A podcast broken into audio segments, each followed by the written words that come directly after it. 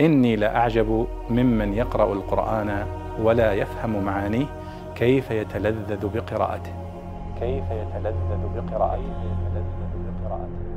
يقول الله سبحانه وتعالى مفصلا في آه، سورة الأنعام ما حرمه على هؤلاء آه، اليهود. قال الله على الذين هادوا حرمنا كل ذي ظفر ومن البقر والغنم حرمنا عليهم شحومهما إلا ما حملت ظهورهما أو الحوايا أو ما اختلط بعظم. ذلك جزيناهم بكفرهم ببغيهم وإنا لصادقون. ما معنى الحوايا؟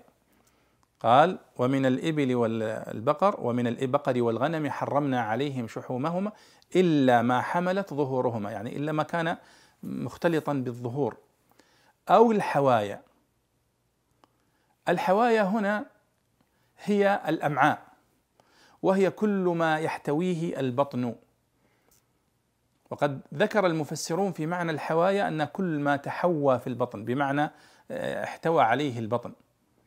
ويدخل في ذلك آه، ما ما يخرج منه اللبن ويدخل فيها الأمعاء ويدخل فيها كل ما في بطن هذه الأنعام. أنعام اللي هي البقر والغنم كما ذكر الله سبحانه وتعالى. ولا شك أن هذا من تشديد الله العقوبة على هؤلاء اليهود الذين يكذبون على الله سبحانه وتعالى ويحرمون ما لم يحرمه. فشق عليهم بمثل هذه التشريعات التي رفعها الله سبحانه وتعالى عن أمة محمد صلى الله عليه وسلم. فالحوايا إذن هي كل ما حواه وكل ما تحوى في داخل بطن الغنم وداخل بطن البقر. ذكر الله أنه يعني قد حرمه أو استثناه مما حرمه على هؤلاء اليهود والله أعلم.